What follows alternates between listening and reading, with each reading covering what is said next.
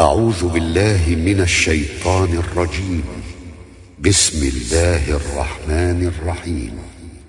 والتين والزيتون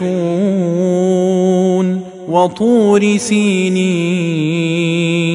وهذا البلد الأمين.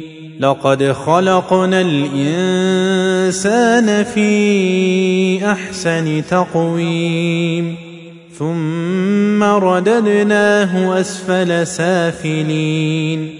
إلا الذين آمنوا وعملوا الصالحات فلهم أجر غير ممنون. فما يكذبك بعد بالدين. أليس الله بأحكم الحاكمين؟